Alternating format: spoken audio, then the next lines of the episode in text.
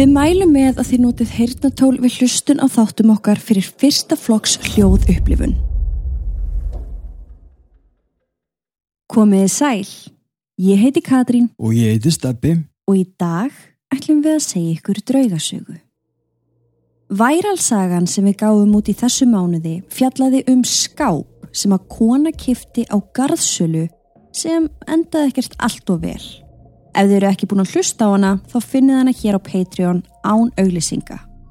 En eftir að hafa verið að skrifa söguna um skápin þá föttuðum við að það er ansi langt síðan við sögðum ykkur sögur af haunted hlutum eða reymdum hlutum. Við höfum gert nokkra þætti í gegnum tíðina sem hafa alltaf slegið í gegn svo við vonum að þið eigið eftir að hafa gaman af þessum. Við ætlum að taka fyrir fimm málverk og þrjá hluti, segja ykkur sögurnar á bakvið þessa muni og hvernig reymleikin í kringum þá lýsir sér. Ykkur er óhægt að horfa á myndirnar en við viljum samt vara við málverki nummer tvö. Ekki horfa allt of lengi á það þar sem að það er sagt að hver sá sem fristast til þess degi innan fára vikna. Hvort að sé satt verið þið að taka ákvörunum sjálf. Þetta eru sögur um haunted hluti. Taka þrjú.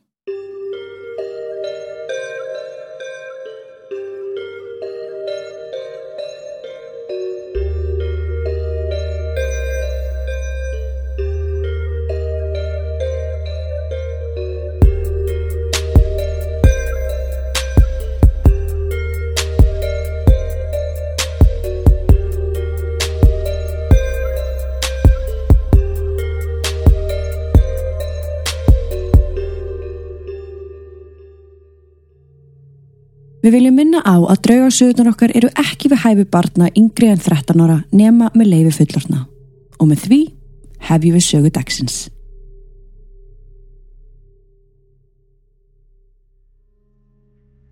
Við ætlum að byrja því að segja ykkur frá fimm málverkum sem ákvílir bölvun.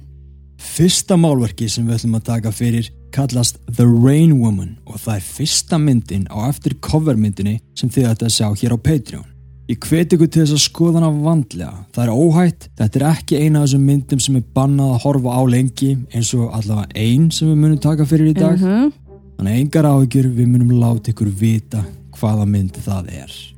En tölum bara aðeins stutt um myndina. Þetta Já. er Þetta er svolítið skrítin mynd, þannig er Mhm. föl kona, er hvít og með svona þókukent augu sem verðast fylgja manni svolítið eftir. Erði, já.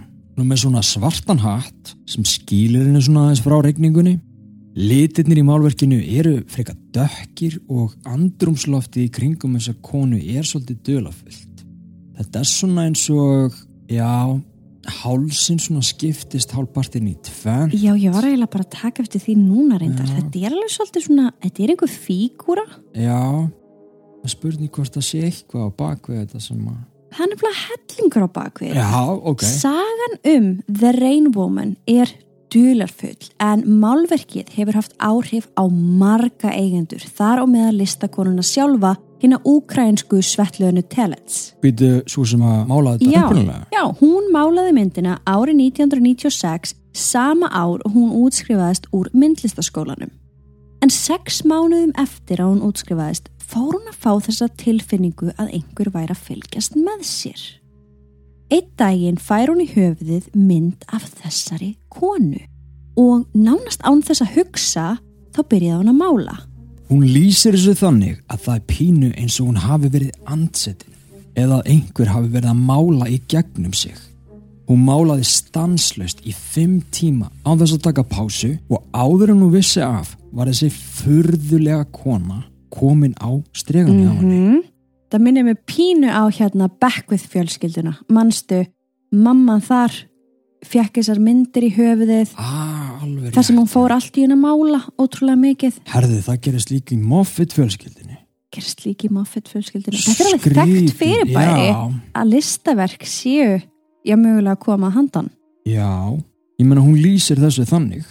Þó að myndin hafi verið tilbúin svona fljótt, veist, á fimm tímum, Já, þá dútlaði Svetlana við hana í mánuð þanga til hún var sett á sölu og það er eins og fólk hafi sógast að henni. nema enginn vildi eiga málverkið of lengi. Það var sett á listasýningu og það var selt. En síðan var því skilað og þetta gerðist aftur og aftur og aftur. Það var eins og enginn gæti átt málverkið í meirin aðeins fáina vekur. Kaupendur virtust ekki vilja hafa það á heimilinu sínu og þeir kvörtuðu um að málverkið var að hafa mikil áhrif á þau. Og þetta er samt alveg rétt. Málverk sem þú ert með á heimilinu þau hafa áhrif á þig. Þess vegna velum maður rosalega vel ef maður ætlar að fjárfesta í einu slíku skilju Emitt, ég menna að þetta kostar mikið pening og þú ert að skoða bara jafnvel eins og eign. Þú þarft að skoða þetta aftur og aftur. algjörlega. Nema þetta voru ekkit rosa góða tilfinningar sem að tengdust þessu málverki. Sumir fóru að finna fyrir kvíða á meðan aðrir hættu raunverulega að geta sofið. Einhverjur töluðu meiri segja um að málverkið gæfi þeim höfuðverki. En eitt sem allir eigendur voru sammála um var að þeim leið eins og einhver var að fylgjast með Já, þeim. Um akkurat. leið og málverkið var komið upp á vegg heima hjá. sem er sama tilfinning og Svetlana sjálf fann þegar hún var að mála verkið Mm, ótrúlega. þannig að það er eins og þessi tilfinning sé núna komin inn í verkið Ó, Fyrsti eigandinn sem kefti verkið var viðskiptakona að nafni Larissa.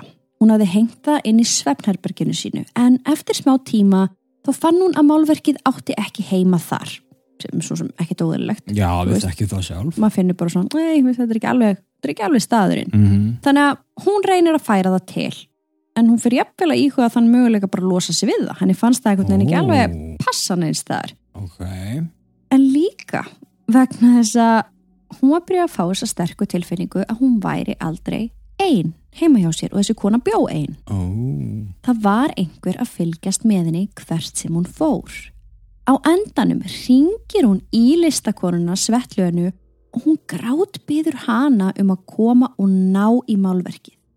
Hún sagði orðrétt, gerðu það, komdu og náðu í verkið. Ég get ekki sofið og mér líður alltaf eins og sé. Fáðu aðgang að yfir 350 þáttum, rannsóknum okkar, sönnunagögnum, viðtölum, mymböndum og okkar geysi vinsalu mánudags mínisögum ásamt alls konar aukaefni. Allt saman strax við skráningu. Engin binding og meiri sem sér app fyrir alla þættina til að auðvelda þér aðgengið. Það er auðveldar en þú heldur, svo eftir hver ert að býða.